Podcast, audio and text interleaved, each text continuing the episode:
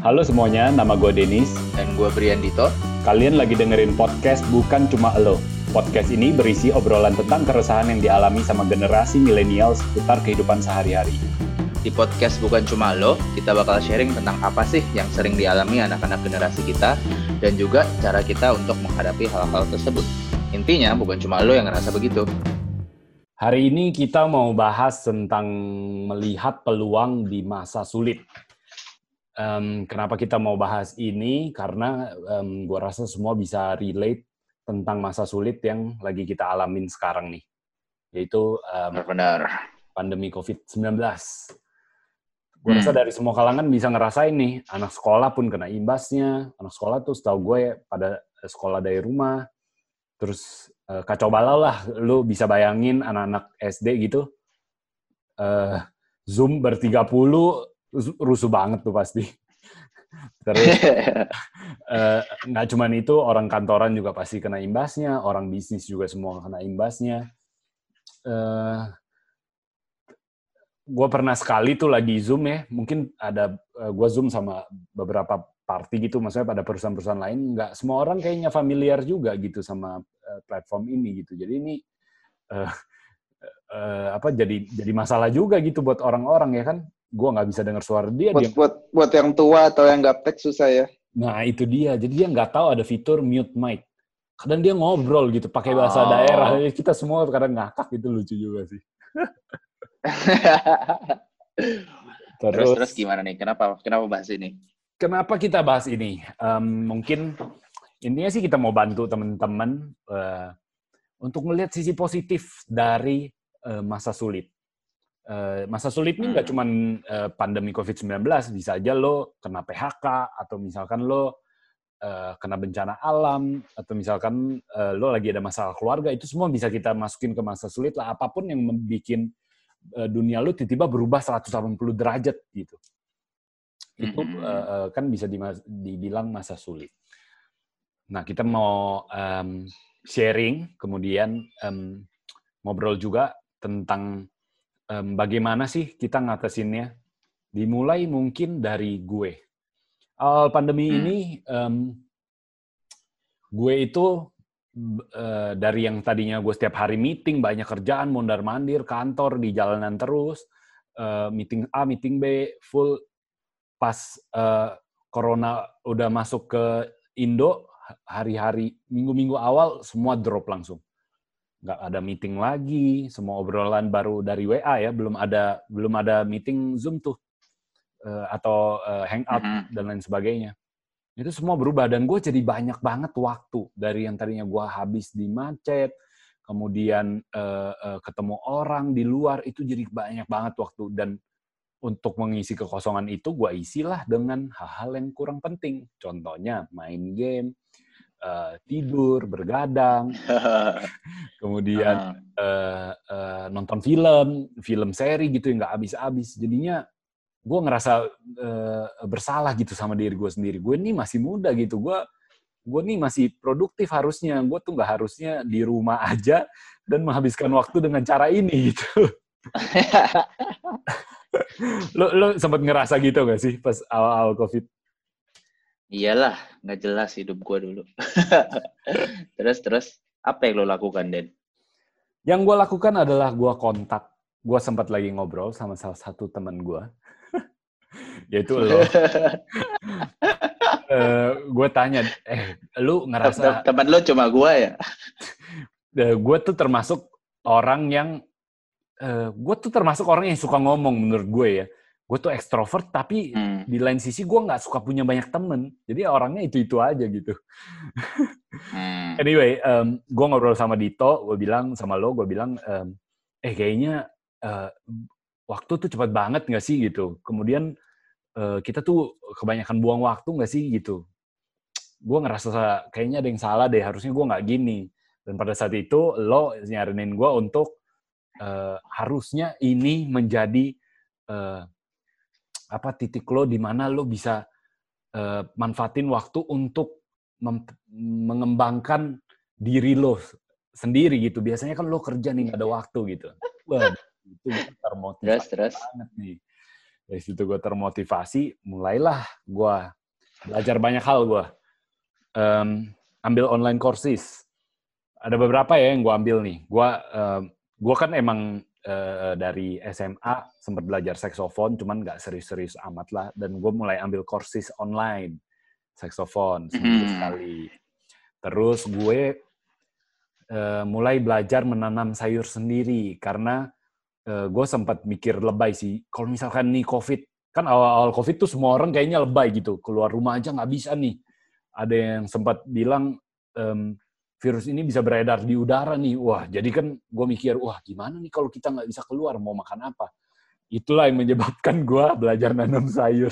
Dengan pikiran gue gak bakal bisa keluar lagi. Terus um, gue belajar nanam sayur dan sayur gue udah bagus-bagus banget dan gue udah siap panen mungkin dalam uh, hitungan minggu depan atau dua minggu depannya lagi. Uh, kemudian gue mulai baca. Berapa, berapa lama tuh sampai panen? Sekitar dari awal semai ya, semai itu adalah lo masukin bibit uh, sam, hmm.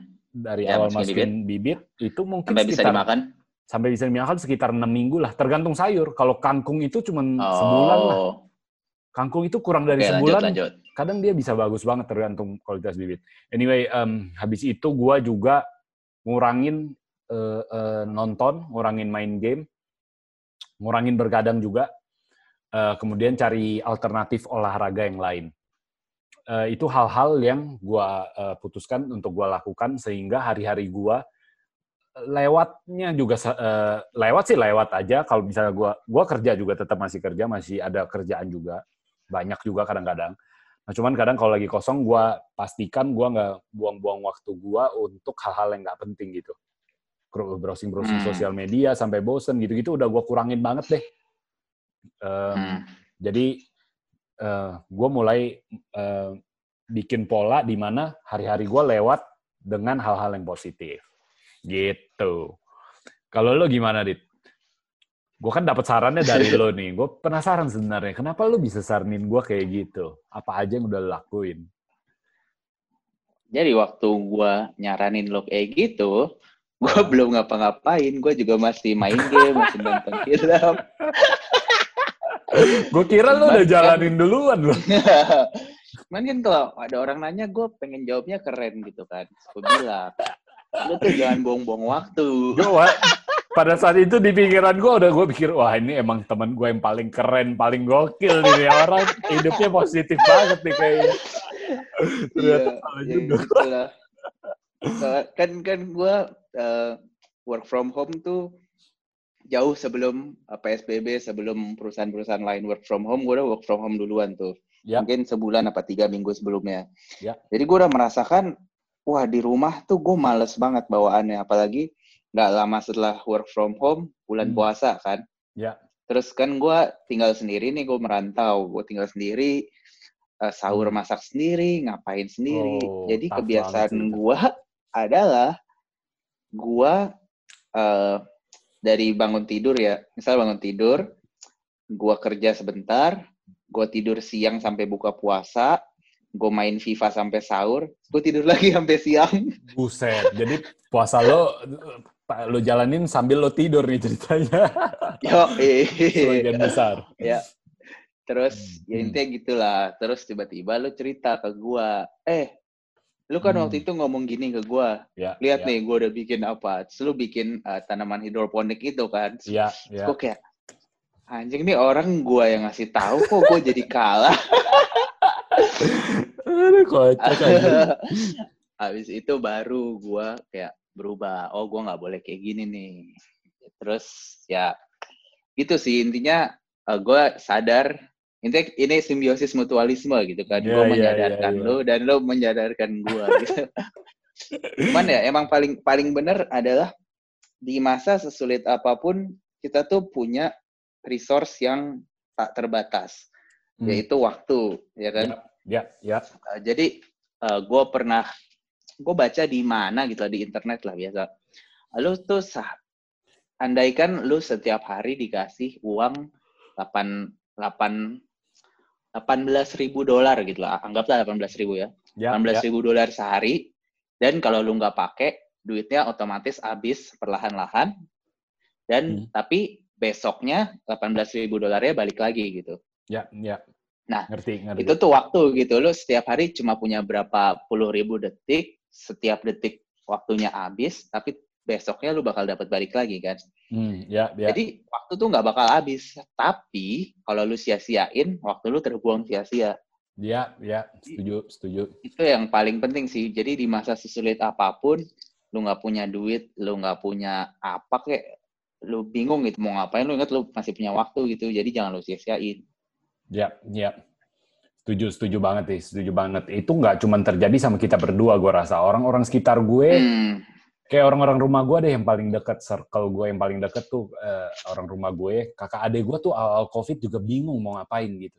Akhirnya juga gue Hmm. setelah dapat saran dari lo, gue bilang ke mereka, mendingan lo pada belajar nih masak sesuatu yang gampang deh, tapi pastiin enak gitu.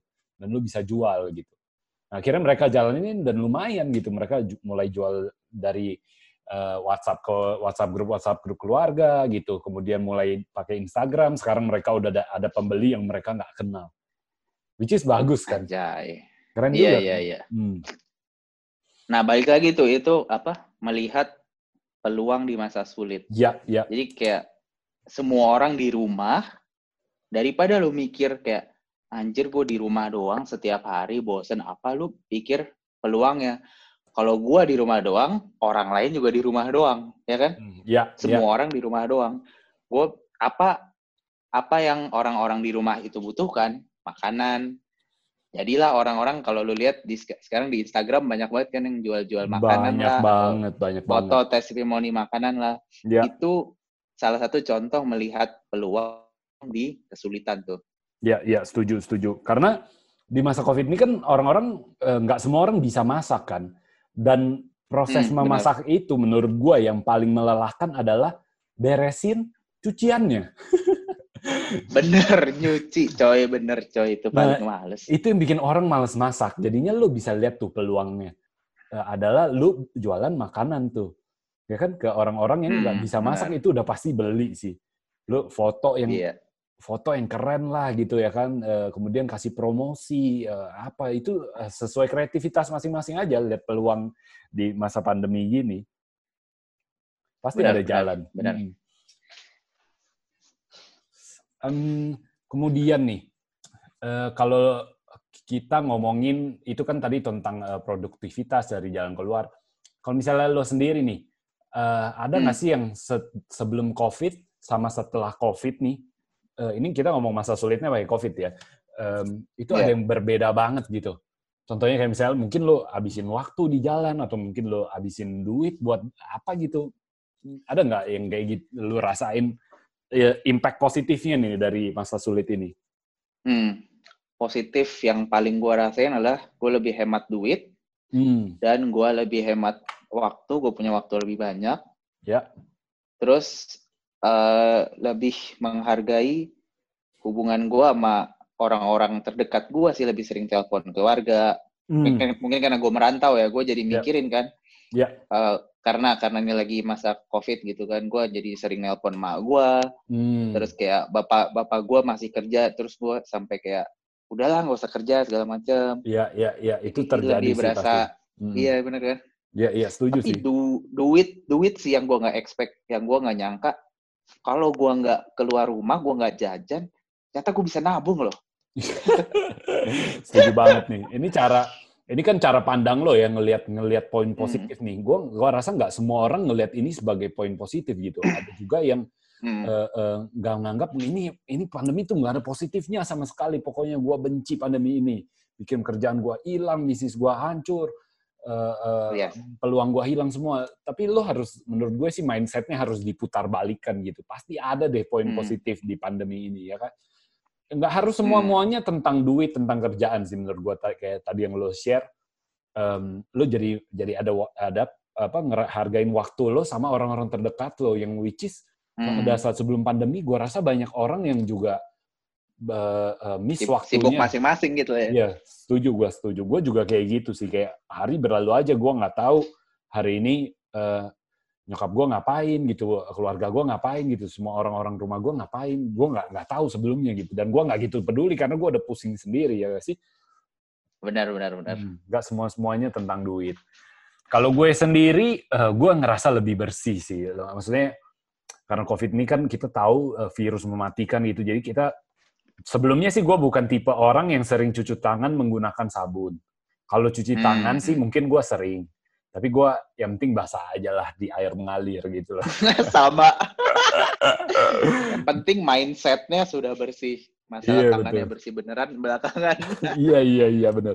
Tapi setelah se awal pandemi ini, gue lumayan parno sih. Gue lumayan parno. Pesan makanan pun sampai rumah, eh, plastiknya belum buka, kita semprot alkohol. Itu lebay sih. Sampai Uh, makanannya dibuka, kita pindahin ke piring dulu, terus kita panasin lagi di dalam oven supaya kumannya mati gitu.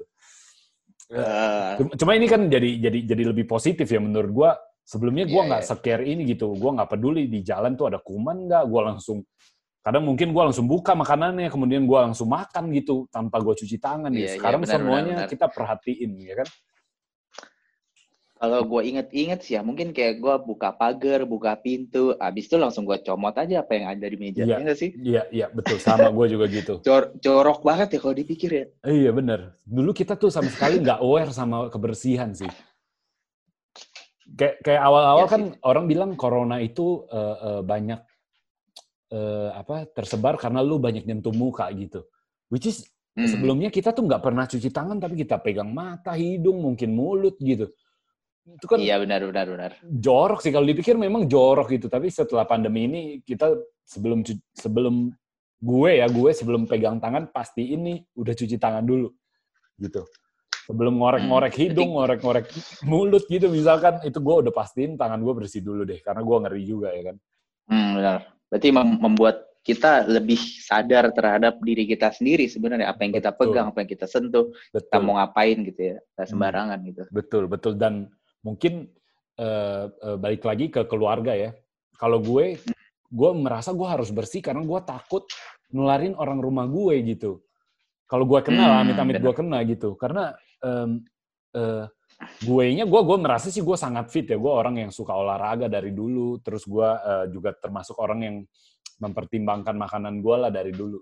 Tapi kalau misalkan gue kena gitu, mungkin nggak akan fatal karena gue nggak ada riwayat penyakit dan gue masih muda. Tapi kan orang sekitar gue sih juga nggak ada penyakit sih, cuman gue nggak tahu kan riskan aja gitu bagi mereka yang jarang olahraga menurut gue ya. Kemudian makanan ya, juga nggak terlalu diperhatiin gitu. Jadinya kita harus lebih bersih supaya um, uh, ini jadi inspirasi juga buat orang-orang sekitar kita dan sambil kita juga ngejaga mereka uh, dari virus-virus tersebut gitu. Itu tips dari betul, gue betul. sih. Nah kalau dari lo, Dit, kan waktu itu lo sempat nyaranin gue nih, uh, mungkin lo bisa ambil kursus-kursus online atau lo apa. Nah kalau dari lo nih, lo biasanya kalau nyari kursus online atau cari artikel bagus untuk ilmu gitu, itu lo ke mana? Uh, kalau baca pada umumnya gue baca ke, gue buka website namanya medium.com. Hmm. Jadi Medium itu uh, kumpulan artikel-artikel tentang hal-hal yang general kayak ya. uh, berita lah, politik lah, apalah, hmm. pandemi lah, sampai hal yang spesifik kayak karena gue anak desain, gue baca tentang desain, tentang IT, tentang uh, yang gitu-gitulah, yang spesifik yang gue suka ataupun yang general itu ya. hampir semuanya ada. Ya. Kalau YouTube segala macem, eh kalau YouTube, kalau video gitu uh, bisa belajar di ruang guru ataupun ruang ruang bimbel kalau nggak salah sekarang ada. Hmm. sama uh, eh, gue lupa apa pokoknya ruang guru juga ada lagi. Tapi hmm. dia tuh tentang eh, seminar-seminar online yang biasanya kalau di hari-hari biasa nih di kalau waktu sebelum zaman covid nih seminarnya tuh kayak lu datang ke kantor Tokopedia gitu. Misal terus ada acara gitu kan. Ya ya. Ada meet meet up gitu. Kalau sekarang online biasanya di ruang guru banyak kayak gitu. Hmm, hmm, hmm. Paling itu sih.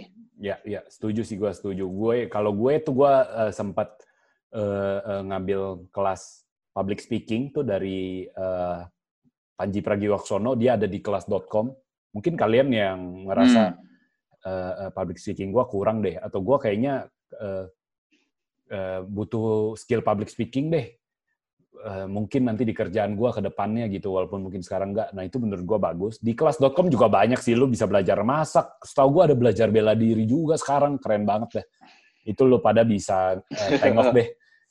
Nggak uh, cuma kelas.com, ada ada lain, gue rasa banyak lah uh, uh, platform online untuk lo belajar skill-skill yang lo hmm. mau gitu.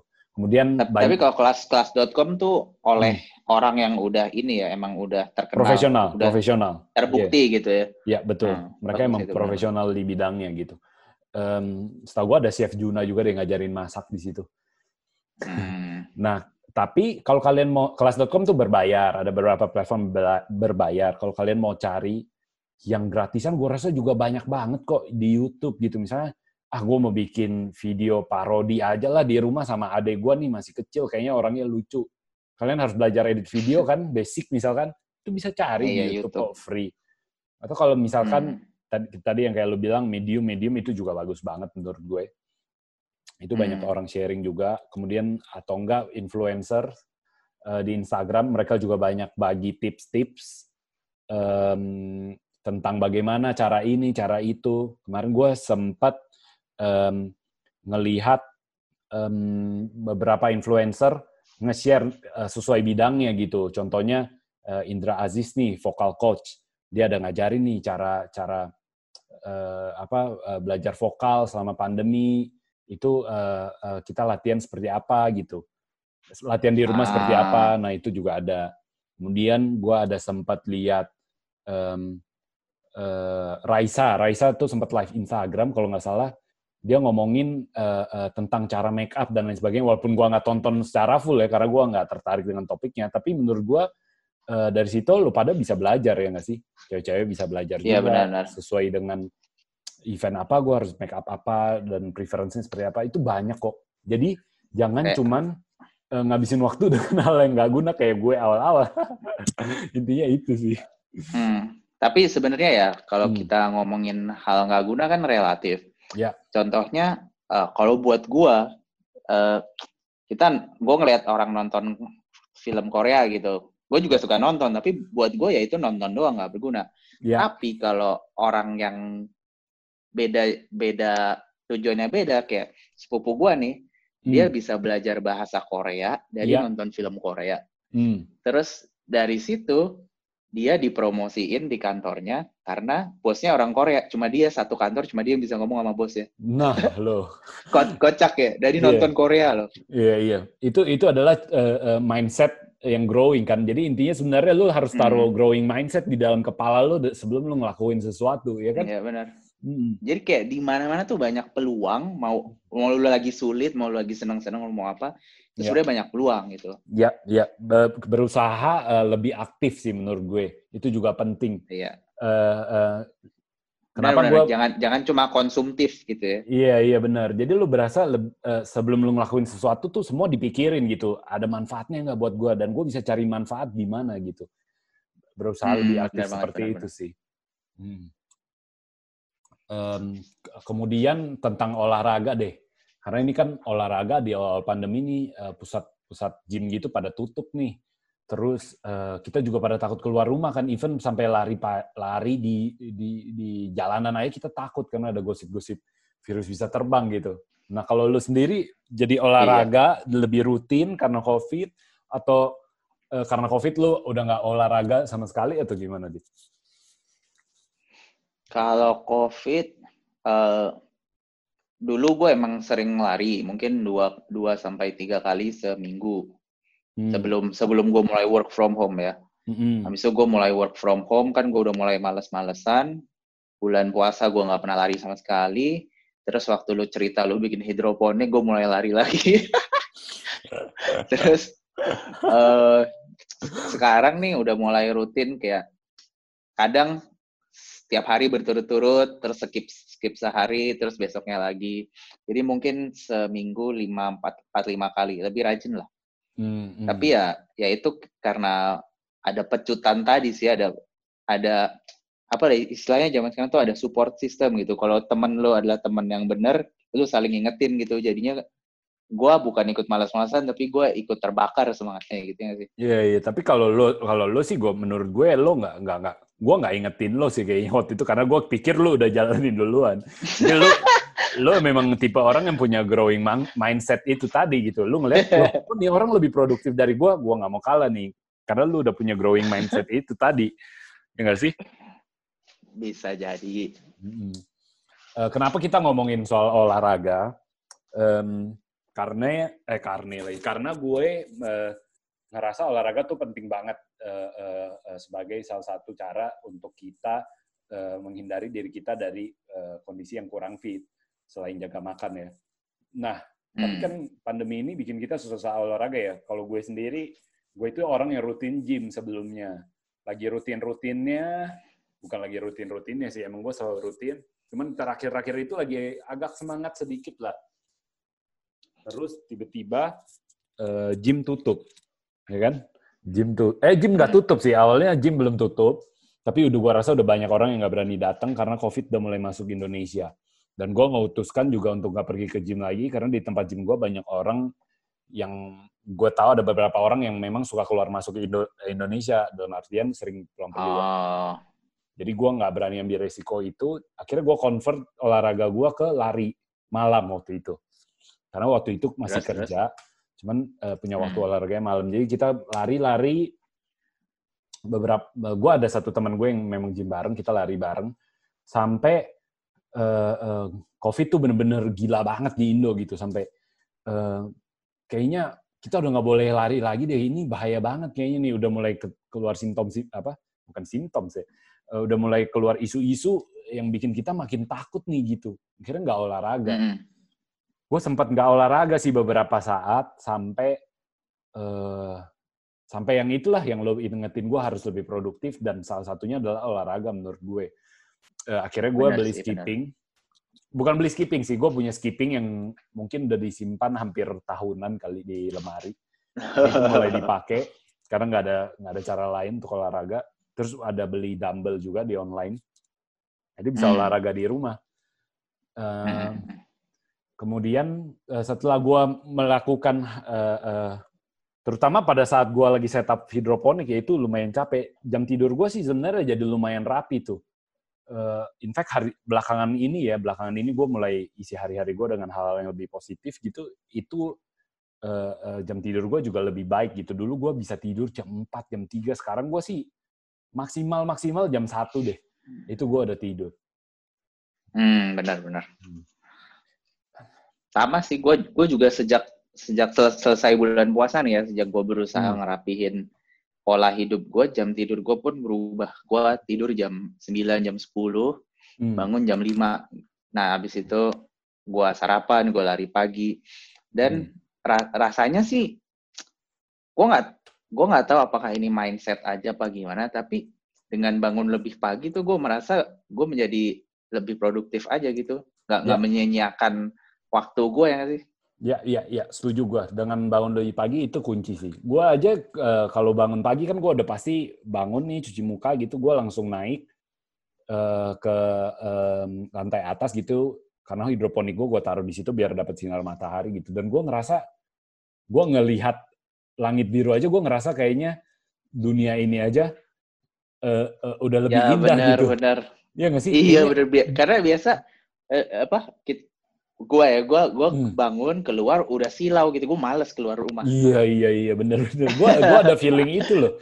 Apa mungkin juga karena uh, pandemi ini juga uh, uh, polusi berkurang ya. Jadi gue ngerasa langit tuh bagus banget mungkin, uh, ya, kalau ya. kita bangun pagi gitu. Ada ada efek itunya sih yeah. kalau gue mungkin ya mungkin mungkin. Yeah, tapi yeah. berarti bukan cuma bukan cuma gue gitu lu juga gitu iya iya iya. Oke deh Mungkin kita akhirin aja nih. Konklusinya sih sebenarnya dari pembicaraan kita, kita hari ini eh, gua simpulkan ada beberapa poin nih. Yaitu pertama, uh, lu harus ada growing mindset di kepala lo uh, untuk tidak menyanyiakan waktu, kemudian melihat peluang positif di setiap masa sulit. Ya nggak sih, Dit? Lo ada yang mau lo tambahin nggak? Itu sih paling. Sama mungkin kalau lu melihat orang menurut lu buang-buang waktu hmm. dengan terlalu cepat ngejudge Karena Ya. contohnya sepupu gua nonton Korea mulu ternyata dia belajar bahasanya. Iya, gue iya, ngejudge lo, gue ngejudge lo dulu. Iya, iya, iya, bener. Setuju gue sih, setuju. Ka- Kalau misalnya lo lihat orang main game gitu, juga jangan ngejudge. Siapa tahu dia dapat duit atau dia lagi jokiin orang ya kan? iya, siapa tahu itu kerjaannya. Iya. Iya, saya tahu itu kerjaannya.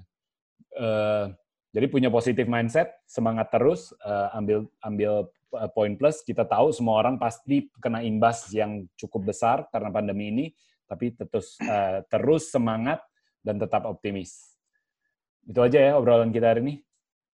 Siap, sampai jumpa di episode selanjutnya. Oke, bye.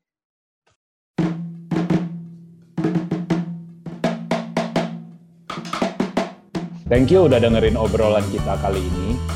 Semoga obrolan kita bisa membantu lo mengatasi keresahan lo. Ingat, bukan cuma lo yang merasa begini. Jangan lupa follow Instagram dan podcast kita di platform podcast kesayangan lo. Sampai jumpa di podcast selanjutnya. Bye-bye.